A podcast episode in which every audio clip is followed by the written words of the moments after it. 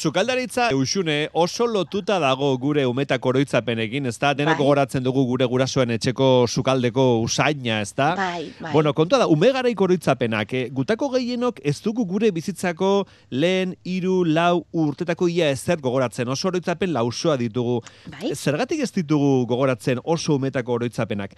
Esango dugu, eh, psikologoek gai hau aztertzen mendea baino gehiago dara matela, ez da? Bai, eta ez da bakarrik eh, psikologoen lana izan, baita neurozientzialariek ere ikertu dute, eta bai biologoek ere, ze hainbat eh, faktore daude, ba, amnesia eh, horren atzean, hau da, eta izatez ere... Amnesia, esan dugu, lehen da biziko hiru lau urtetako gertaerak eta ez ditugu oso ondo gogoratzen. Hori da, Bai. eta horri deitzen zaio aur amnesia. Aurra amnesia. Bai, kontua da, gutxi gora bera, zazpi urte baino lehenagoko, bueno, ba, bizitzaz eh, oso gutxi gogoratzen eh, dugula. Mm. Eta e, gogoratzen duguna ere, e, batzutan ez dakigu, ero ez dago argi, egiazkoa ote den oroitzapen hori, ero adibidez gurasoek ero kontatutako Bai. ba, historiak ote, Ote diren, ez? Ero bai. argazki zarretan oinarritutako Mhm. oroitzapenak ez, ez direne izango. Bueno, ba, zergatik ez dugu gure lehen aurtzaroa gogoratzen, ba, e, zientzialariek hiru arrazoi, ero hiru faktore nagusi e, ikusten dute e, horren atzean. Alde batetik da, bueno, ba, gure garuna, ez?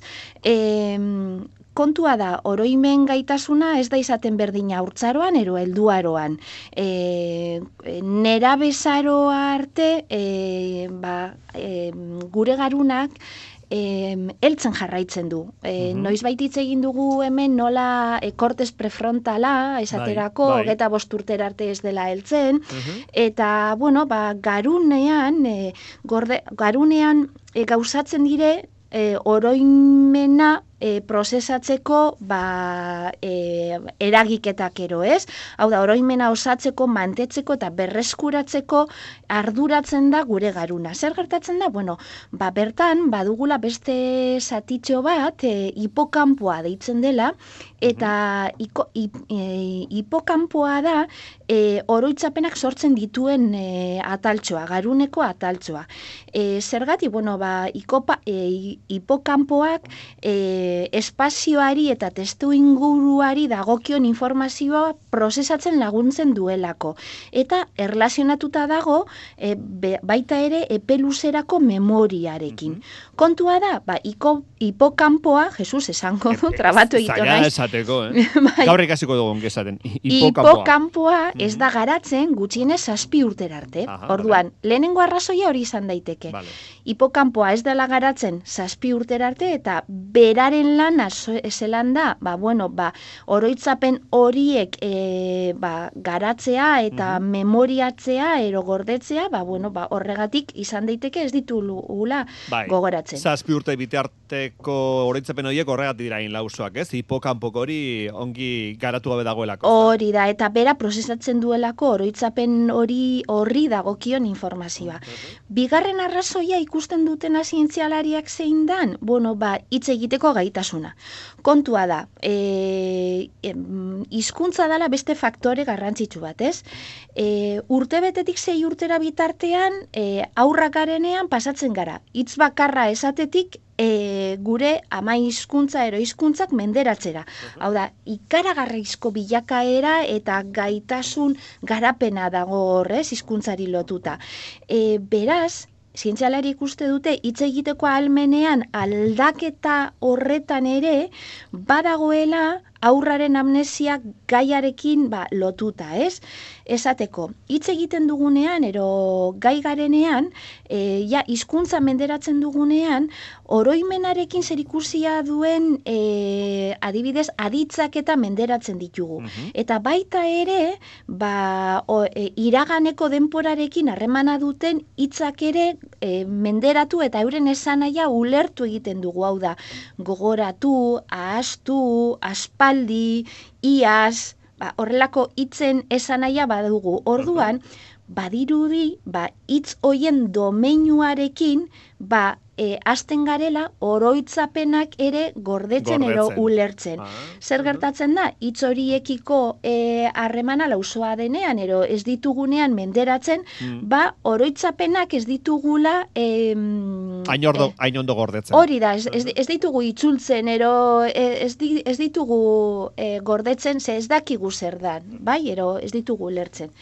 Beraz, hipokampo alde batetik hitz egiteko gaitasuna eta hirugarren faktorea zer ikusia duena ba aurra amnesia honetan ba ikertzaileen ustetan ba badago ere gurasoen narratibak ere kontatzen dizkiguten eh, gauzak eta kontatzeko modu horrek ere eragina du gure oroitzapenean. Zer gertatzen da? Bueno ba txikia garenean ba e, gurasoek e, gertaerak e, gogorak hartzen dizkigutela, ez? Ba, kontatu egiten digute, ba, zer nolakoak egaren, ero zer gertatu den, ero ba, familiako kontuak, ez? Borduan, narratiba hoiek eragina dute gure oroitzapenetan. E, zergatik, alde batetik, kontakizun ero historio hoiek esaten digutelako aurrei, zein zer den garrantzitsua, ez, gure inguruan, hau da, e, ze gertakizundan garrantzitsua. Eta beraz guk hori gorde egiten dugu, esaten dugu hau garrantzitsua da gure familiarentzako kontakizun hau eta e, horrelako tankerako gertakizunak eta gorde egiten ditugu.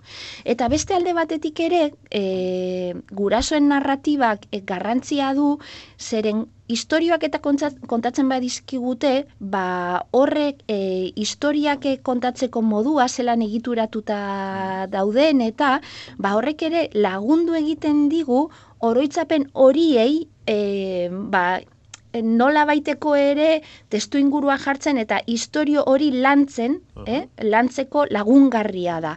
Hada, zer da, ba, esaterako historio koherentia kontatzen badizkigute, ondo josiak daudenak, bakuk hobeto gogoratzen editugu. Beraz, urasoek kontatzen dizkiguten istorioak, uh ero ba, horrek, garrantzia du jakiteko zer den e, zer gogoratu behar dugun, hau da, zer den garrantzitsua eta hori bildu egin behar dugula eta gure memorian, eta beste alde batetik laguntzen digu ere kontatzeko moduan.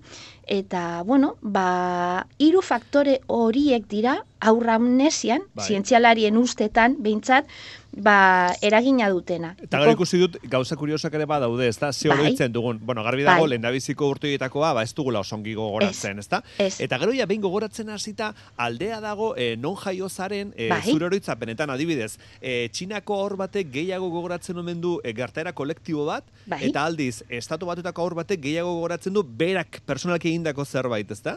Bai, hori da, kontua da, em, gizarte motek ere, ero, bueno, ba, testu inguruek ere zer ikusia dutela e, horretan. Horitzapenetan. Bai, mm. bai, bai, bai, ez dira berdinak e, ba, hau da, e, guk ordeko ditugun e, oroitzapenak eta zuk esan duzun moduan, ba, txinako e, umek gordetzen dituzten e, oroitzapenak. E, batzuk harreman gehiago duten testu inguru, bastakit talde testu inguru batekin, eta beste oroitzapen batzuk adibidez, e, harreman gehiago dute ekintza e, norbanako ekintzekin, ero individualekin. Eta bai oso kuriosoa da, izan ere, badaukagu ere ikertzaiek jakin badakite, badibidez aurreketan erabeek, helduek baino oroitzapen goiztiarragok dituztela. Bai? E, badago esaten dena e, oroitzapen ero memoriaren kurba izaten da, ez?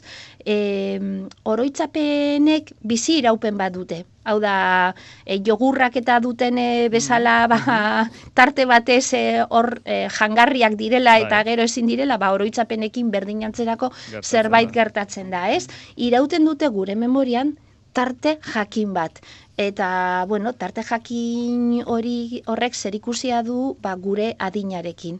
Eta bueno, e, zientzialariek uste dute oroitzapena ero aur amnesiaren atze or, atzean, bueno, ba, orotz, e, arazoa ez dela oroitzapenen eraketan, baizik eta hauek mantentzeko lanetan dagoela. Osea, kosta egiten zaigu lan handia da oroitzapen bat hor mantentzea bizirik. Eta antza, ba, bueno, ba, horrek zailtzen duela gure haurtzaroko ero lehen urte hoietako oroitzapenak e, gordetzea. Dena den, ba, zientzialarik esaten dute, e, oso gazteak ineneko garaiko gertaera zehatzak, ez ditugu goratzen esplizituki, bai. baina badakite naiz eta ez gogoratu esperientzia horiek oso garrantzitsuak direla, ba, gure eh eldu, osea, zerean garapenean. Bai, oso, oso gauza bitxia da eta oraindik bai. ere aztertzen eta ikertzen ari dira. Maixa, zein da gogoratzen duzun oroitzapenik zaharrena, oso oso umetakoa?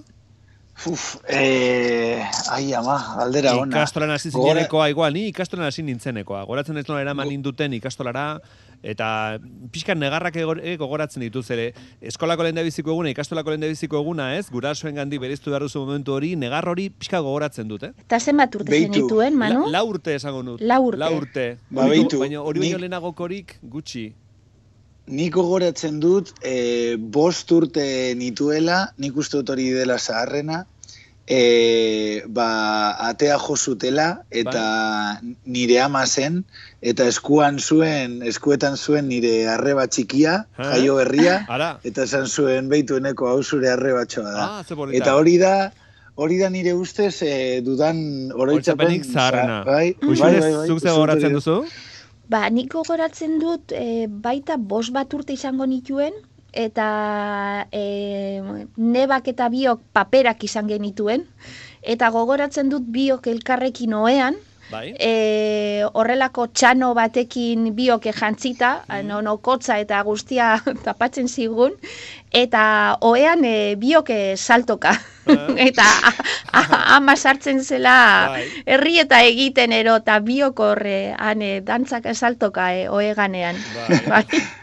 bai. Bai, bai, bai, bai. Bueno, oroitzapenak. E, oroitzapenen kapitulo bisteko, parentes txiki bat irekiko dut, eta esango dut, aurten, e, eite beren maratoia Alzheimeraren ingurukoa izango dela, bai. eta kanpaina bat hasiko dugu, jendeari oroitzapenak eskatzeko. Bai. Baina, joango gara zehazte, nola egingo dugun, eta baina, bueno, e, gure entzule jakin dezatela, ba, oroitzapenak bai. eskatuko dizkiegula, eh? Nik pa parte hartuko dut maratoi horretan. Ah, ados, ados. Oso, ondo. Eh, vale, e, esplikatuko dugu aurrerago, zer egin behar deneta.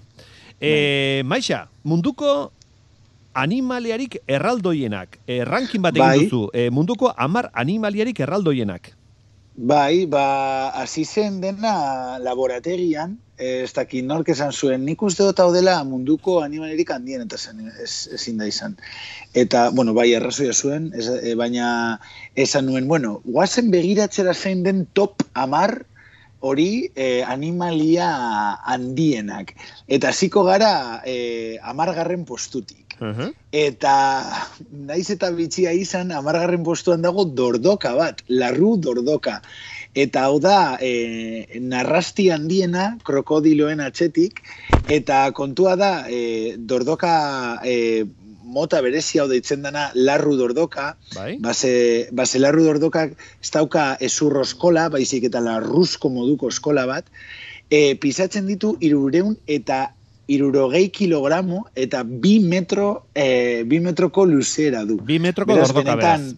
Bai, bai, bai. Hau da, amargarren e, animalian diena. Vale. Gero, bederatzi, bederatzi garren postuan dago urgazizko krokodiloa. Uh Australian, Mikronesian, eta Indian e, dago edo bizida krokodilo hau, urgazizko krokodiloa, eta kontua da e, laureun eta berrogeita mar kilogramo pisatzen dituela bai. eta oso luzeak dira, lau koma bos metroko luzera dute. E, gero, osortxigarren postuan gaur edo indiako bisontea dago, gaur e, izena du. Gaur, eta... euskerazko gaur bezala? Bai, euskarazko gaur bezala, horrela... Gaur bizontea, indiako gaur bizontea. Vale. Hori da.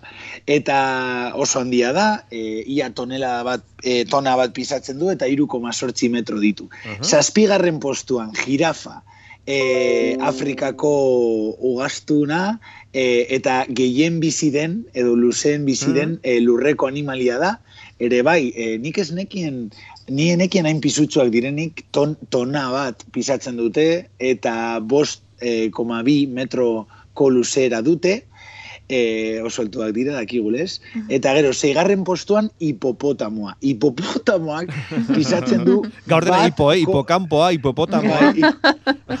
Ba behitu, eh, bueno, por cierto hipopotamo izena, hipo saldia da eta Tamus, e, bueno, Ibaia. Eta orduan da, e, ba, i, i, Ibai zaldia, edo lako, edo lako vale. zeu zer izango zen. E, Afrikan bizida, bat koma sortxitona eta bos metrotako luzera du. Eta orain ja sartuko gara top bostean. Top 5, animali arraldoienak. top 5, ba, bosgarren postuan dago errinozero zuria. Eta errinozero mota hau, errinozero zuria da, errinozero e, artean sozialena, ez bakarrik handiena, uh -huh. bitone, bitona, eta lau koma lau metro, baizik eta sozialena ere bai. Eta bi e, subespezie daude, e, bat e, egoko e, errinozero zuria, gutxi gora bera daude e, emeretzi mila bat, eta kontua da, e, iparrekoa, e, bigarren subespezie hau, e, azkena hil zela orain dela hiru urte, e, Sudanen. Bai, hil zuten azkenengo errinozero mota hau. Eta oso handiak dira esan bezala bi tona. Laugarren postuan dago Afrikako zuaizka elefantea da e, lurreko animalirik handiena eta pisutsuena.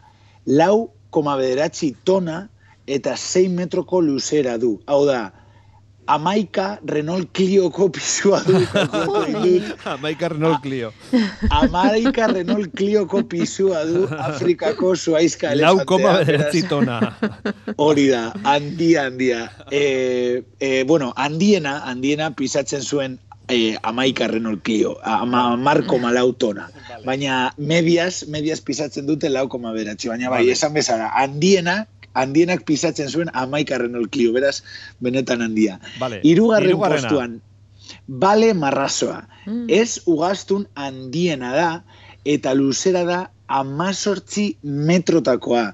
E, emeretzi tona pisatzen du, eta esan behar da, e, asko daudela sonalde honetan, bizina izen sonalde honetan. San Francisco te gartu. Bai, asko, asko daude, eta, bueno, ba, urtero urtero sonalde honetan e, marrazoek hiltzen dute surflari bat baino gehiago, mhm. baina ez kontatu nire amari, base vale. askotan joaten naiz ni surf egiten. Vale, vale, vale. E, bueno, bigarren postuan izan da niretzat eta hemen hasi zen diskusioa, base hau bai nik ez nuela espero. Bigarren postuan ez ez asmatu, e, nor dagoen hemen, txipiroi bat, txipiroi, txipiroi erraldoia, deitzen dena, ornogabe handiena da, kontua da, e, pisuz, ez dela hain pisutsua, gutxi gora bera berreun eta irurogeita mabos kilogramo, baina kontua da, izan aldituela hogei metroko luzera. Hogei metroko txipiro, ja.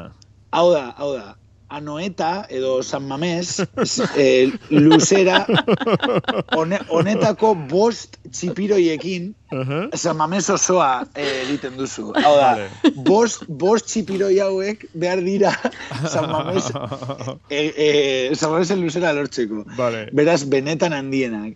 A, e, bueno, e, molusko handienak, ornogabe handienak. Eta lehenengo postuan, zelan ez, bale urdina. Bale urdina gure herriain lotuta dago baleekin historikoki, mm-hmm. ba ez da bakarrik handiena, animaliarik handiena bizik eta inoiz historian bizi izan den animaliarik handiena. Hogeita lau metroko luzera du eta eun eta amar tona.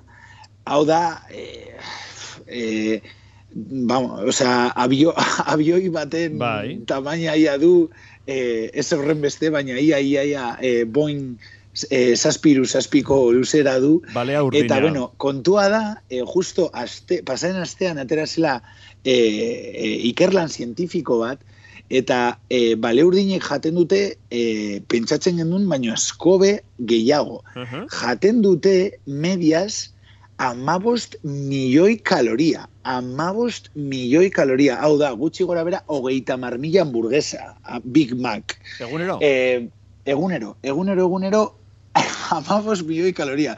Imaginatu egunero jatea hogeita mar mila hamburguesa ba, da e, jaten dutena. Bale honek behar duena. Bale, baina bueno, ganera jaten dute e, gauza oso txikia, plaktona, mikroorganismoak, baina, bueno, baina amar milioi kaloria baino gehiago. Ba, Beraz, dela, postuan, orain dela aste batzuk, animali handiena, bale ba, urdina. E, bermeon, ur, urdai ateratzen da ontzi bat, ateratzen dira animaliak eta ikustera, eta itxasoko arraiak eta ikustera, eta bale handi bat ikusi zuten, orain dela aste batzuk, e, ustuz mm. bale urdina zela, eh? izugarria handia, e, oso zaila ikusteko, eh? baina ikusi zuten e, zera bermeotik oso gertu.